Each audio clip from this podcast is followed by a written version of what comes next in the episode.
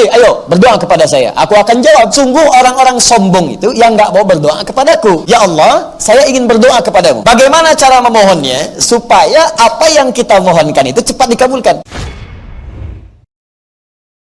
Hunalika da'a Zakaria rabbah. Qala rabbi habli min ladunka dzurriyyatan thayyibah. Innaka sami'ud. Perhatikan, kita akan praktek hukum ikhtisas di sini. Rumus kalau kita ingin berdoa. Ini kan rumus umumnya, jadikan ibadah kita semua hanya karena Allah saja, gitu kan? Jadikan ibadah kita semua hanya karena Allah saja. Kalau kita lakukan semua ibadah karena Allah, maka Allah akan cepat memberikan apa yang ingin kita harapkan. Contoh, apa bentuk ibadah yang pertama? Contoh pertama, doa. Ya doa adalah bagian dari ibadah. Dalilnya tadi firman Allah, "Wa qala rabbukum ud'uni astajib lakum. Innal ladzina yastakbiruna an ibadati." Ya Allah berfirman, "Hei, ayo berdoa kepada saya. Aku akan jawab." Di setiap kita berdoa, Allah pasti jawab. Sungguh orang-orang sombong itu yang nggak mau berdoa kepadaku. Doa di situ disebut dengan ibadah. Yastakbiruna an ibadati. Nah, sekarang fokus baik-baik. Ya Allah, saya ingin berdoa kepadamu. Ingin ibadah. Masuk dalam kategori na'budu. Bagaimana cara memohonnya supaya apa yang kita mohonkan itu cepat dikabulkan? Maka rumus Al-Fatihahnya jadikan doa itu dengan sifat ikhtisas. Bagaimana praktek ikhtisas itu? Cari kalimat-kalimat, cari kemas kalimat-kalimat, kata-kata yang menunjukkan di untayan kalimat itu semua permohonan tujuannya ke Allah saja, bukan kepada yang lain. Apa contohnya? Kita ambil Al-Quran surah ketiga ayat 38. Di sini kisah Nabi Zakaria alaihi salam e, bagi yang kisahnya serupa, silahkan amalkan. Boleh jadi ditampilkan dalam Al-Quran sebagai bimbingan kepada kita. Kalau punya situasi serupa, jangan cari doa yang lain, pakai doa yang ini. Yang sama persis dikisahkan di situ. Nanti ada doa orang sakit, doa pengen sukses dalam bisnis ada, doa untuk keturunan ada. Nah, sekarang kita lihat ya. Nabi Zakaria, saya sedikit pelankan. Beliau itu diuji oleh Allah sebagaimana banyak kita ketahui dengan sudah berumah tangga cukup lama diberikan gambaran di surah Maryam surah 19 dari ayat kedua khususnya sampai ayat 9 itu dengan kondisi fisik yang sudah melemah. Ya, kemudian rambutnya sudah memutih. Ya, kemudian fisiknya sudah letih. Wasta'ala ra'su syaiba. Ya wasta'ala ra'su syaiba Ya, ya Allah, ini fisik saya sudah letih, rambutnya sudah memutih. Walam akum bidu'aika rabbi syaqiyya. Ini dalilnya. Kaf ha ya ain sad. Dzikru rahmat rabbika abdahu Zakaria. Kata Allah, "Hei kalian semua, ingat baik-baik, perhatikan ayat ini, perhatikan surat ini, aku akan sebutkan kepada kalian sebagian dari rahmatku kepada hambaku namanya Zakaria." Idnada rabbahu. Ketika ia bermohon berdoa kepadaku kepada Allah kepada Rabbnya. Ya Rabbi anni massaniya uh, rabb uh, idnada rabbahu anni. Ketika ia bermohon kepada Rabbnya perhatikan kalimatnya. Ya Allah aku sudah letih. Fisikku letih. Rambutku sudah memutih apa kaitan dengan dalil doanya walam akum bidu'aika rabbi syaqiyya tapi dalam keadaan fisikku letih, rambutku sudah memutih, aku tak putus asa dalam berdoa kepadamu. Doa. Ini. Bagian dari ibadah. Tahan. Rabbi inni wahanal azmu minni. Ya Allah, tulang-tulangku sudah mulai letih nih. Ya. Kemudian diteruskan ke rambut sifatnya. Washta'ala ra'su syaiba. Rambut sudah memutih. Jadi Anda bayangkan, walam akum bidu'aika rabbi syaqiyya. Tapi sejak aku berumah tangga, sampai keadaan seperti ini, aku diuji belum punya keturunan, aku tak pernah putus asa dalam berdoa. Coba coba lihat ya kalimat ini. Bapak Ibu sudah berumah tangga, dari rumah tangga sudah menikah, maaf ya, rambut masih hitam, belum dikasih keturunan. Sampai rambut sudah putih, fisik sudah letih. Artinya sudah sepuh, ya tapi dalam kondisi itu pun masih yakin dengan Allah. Gak pernah berpikir yang lain. Gak pernah minta-minta kepada yang lain. Masih yakin, saya khususkan doa saya kepada Allah saja. Saya yakin pasti dijawab. Ini adab yang pertama. Jadi ikhtisas yang pertama itu, kalau anda ingin memohon sesuatu, maka hadirkan puncak harapan kita yang paling dalam hanya kepada Allah saja. Walaupun situasi yang dihadapi oleh kita, kata orang mustahil. Ya biarin aja orang bilang apa. Ini Nabi Zakaria lebih dahsyat lagi. Rambut memutih, fisik sudah letih, istrinya difonis oleh medis sudah monokos dan mandul. Jadi kata medis gak mungkin punya keturunan. Tapi apa yang menjadikan beliau kemudian begitu yakin doanya akan dikabul? Ini ikhtisas ini. Mustahil bagi manusia, tidak ada yang mustahil bagi Allah Subhanahu wa taala. Maka dihadirkan puncak keyakinan yang paling dalam, saya ingin khususkan permohonan pada Allah saja yang tidak punya batas mustahil dalam kehidupan. Setelah ada keyakinan kuat ini, baru kalimatnya muncul. Perhatikan kalimatnya di Quran surah ketiga ayat 38. Fokus baik-baik. Hunalika da'a Zakaria rabbah maka di mihrab itu Nabi Zakaria bermohon kepada Rabbnya. Qala Rabbi habli min ladunka dzurriyyatan thayyibah innaka sabi'ud du'a. Fokus baik-baik. Ya, saya terjemahkan dulu. Qala Rabbi habli. Ya Allah yang tidak punya batas dalam pemberian, mohon anugerahkan kepadaku keturunan. Milladunka dari sisimu saja. Karena orang lain mengatakan kau nggak mungkin punya keturunan. Secara medis ditolak. Secara klinis mustahil. Maka aku tinggalkan mereka, aku khususkan permohonanku kepadamu saja. Perhatikan baik-baik. Innaka sami'ud du'a. Ini yang pengen saya jelaskan. Ini yang dimaksud ikhtisasnya. Innaka sami'ud du'a.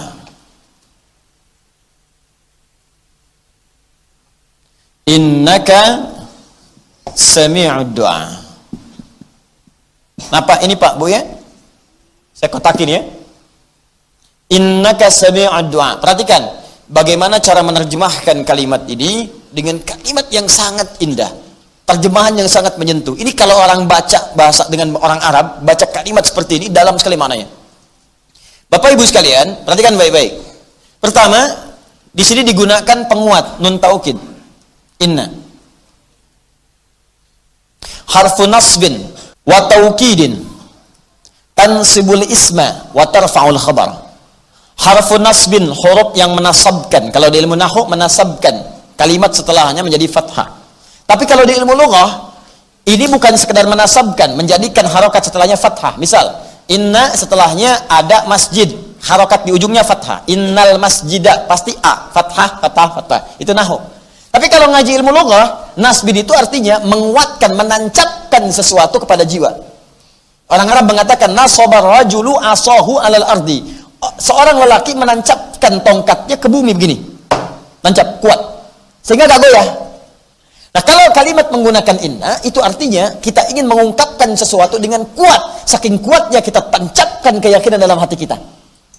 Ya, jadi kalau dalam bahasa kita begini, ya Allah, saya yakin seyakin-yakinnya. Dan saya tancapkan keyakinan itu di hati saya. Tak cuman engkau ya Allah. Sami'ud doa yang pasti mendengar doa saya. Jadi saya tancapkan keyakinan itu di jiwa saya. Hanya engkau yang pasti mendengar doa saya. Kalau pada yang maha mendengar saja tidak mengabulkan, di sini ikhtisasnya. Kalau pada yang maha mendengar saja tidak mengabulkan, lantas kepada siapa lagi aku mesti memohon? Dalam sekali. Di ketika mengkhususkan sesuatu minta kepada Allah, dicarilah oleh anda semua kalimat yang sangat menyentuh, yang dengan kalimat itu sulit rasanya untuk mengelak. Dan sulit rasanya untuk ditolak. Ya bagaimana Allah bisa menolak dengan kalimat seperti ini? Perhatikan, ya Allah, aku tancapkan keyakinan yang paling dalam. Bahwa hanya engkau yang maha mendengar doa saya. Kalau yang maha mendengar saja tidak mengabulkan doaku, lantas kepada siapa lagi aku mesti meminta? Kalau dengan segenap keyakinan ini aku sudah memohon belum kau kabulkan juga, tolong tunjukkan kepada aku ya Allah dengan cara apa lagi aku mesti memohon kepadamu. Cari kalimat itu. Ah, jadi kalau Bapak Ibu perhatikan bahasa-bahasa Al-Quran, itu para nabi dan rasul itu sering mencari kalimat-kalimat dan penjabaran dari makna ikhtisas ini. Sering. Banyak sekali. Contoh, buka Quran surah ke-21 Al-Anbiya. Ayat ke-83 sampai 84. Kisah Nabi Ayub. Ya, kenal Nabi Ayub? Tidak. Awas, hati-hati. Ibu kenal Bu? Tidak. Hmm. Nabi Ayub apa ujiannya?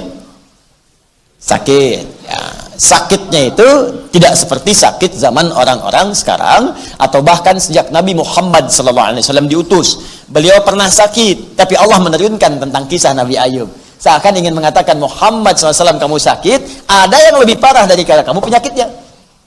Dalam keadaan sakit pun dia tidak mengeluh. Tapi menancapkan keyakinan dalam jiwanya, Allah pasti akan menyembuhkan penyakitnya.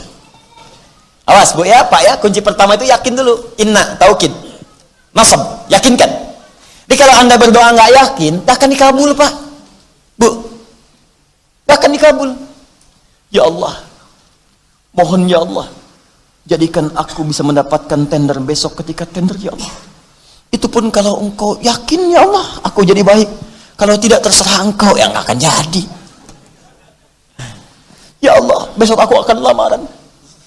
Mohon ya Allah, lembutkan hati kedua orang tuanya agar menerima lamaran yang aku aku sampaikan.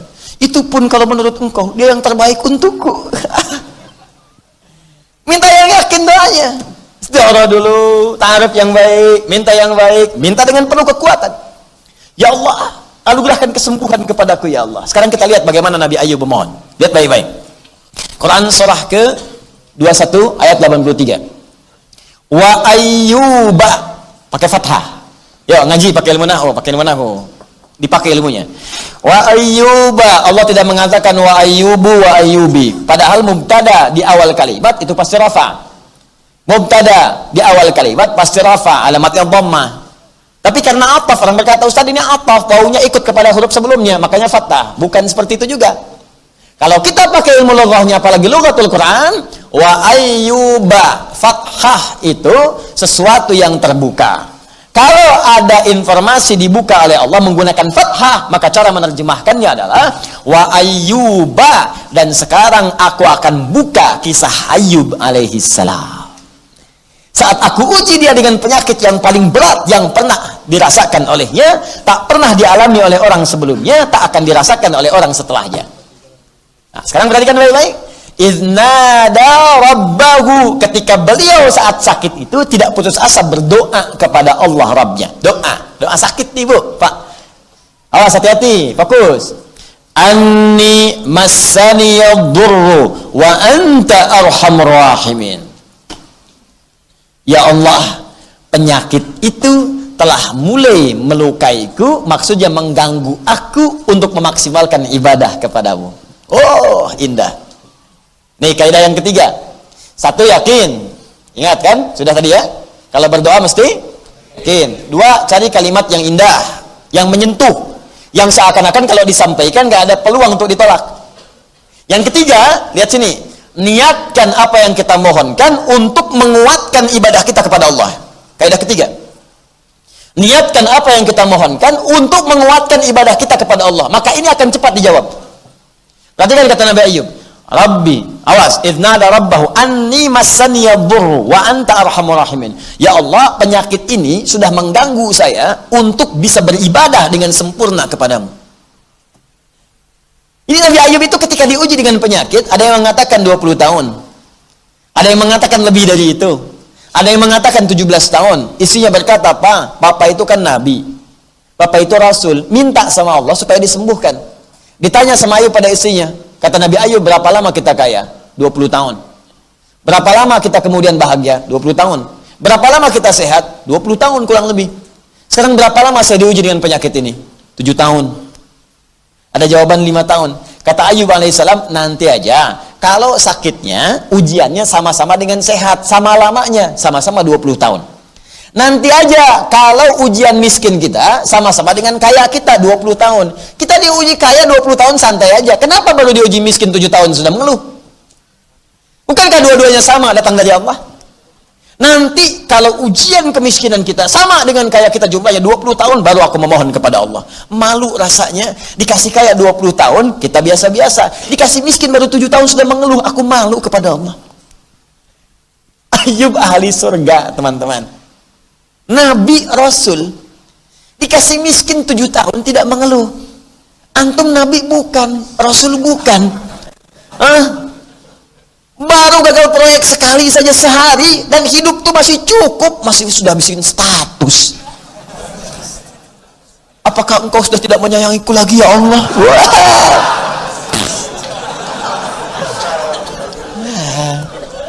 Nah, ini kadang-kadang yang seperti ini mesti kita keluarkan untuk kita tahu gitu, untuk kita paham.